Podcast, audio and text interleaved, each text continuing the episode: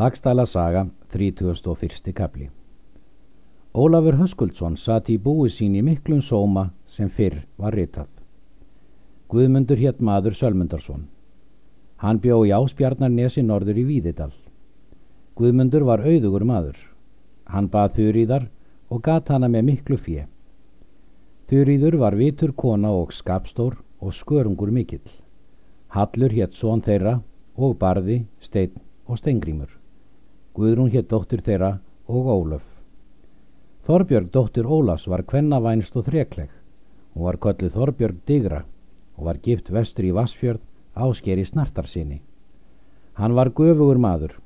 Þeirra són var kjartan fadir Þorvalds, föður Þórðar, föður Snorra, föður Þorvalds.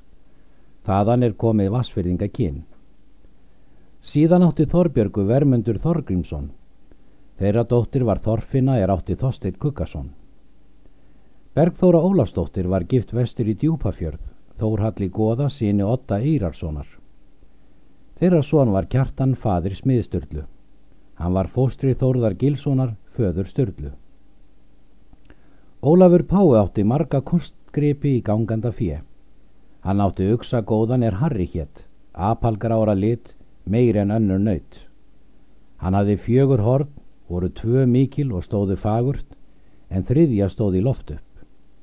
Hið fjórða stóð úr enni og nýðu fyrir augu honum.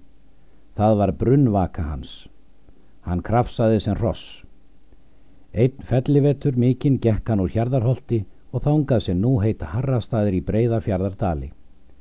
Þar gekk hann um veturinn með sextán nautum og kom þeim öllum á græs. Um vori gekk hann heim í haga þar sem heitir Harraból í hjarðarholtslandi.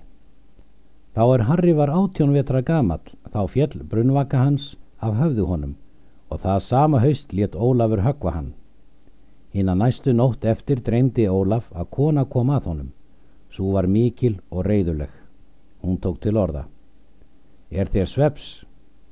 Hann hvaðst vaka. Konan mælti. Þér er sveps, en þó mun fyrir hitt ganga.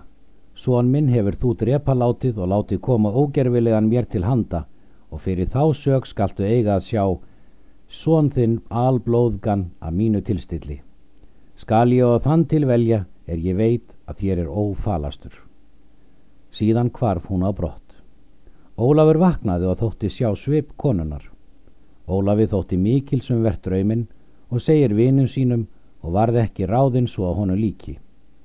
Þeir þóttu honum best umtala er það mæltu að það væri draumskrök er fyrir hann hafði borið.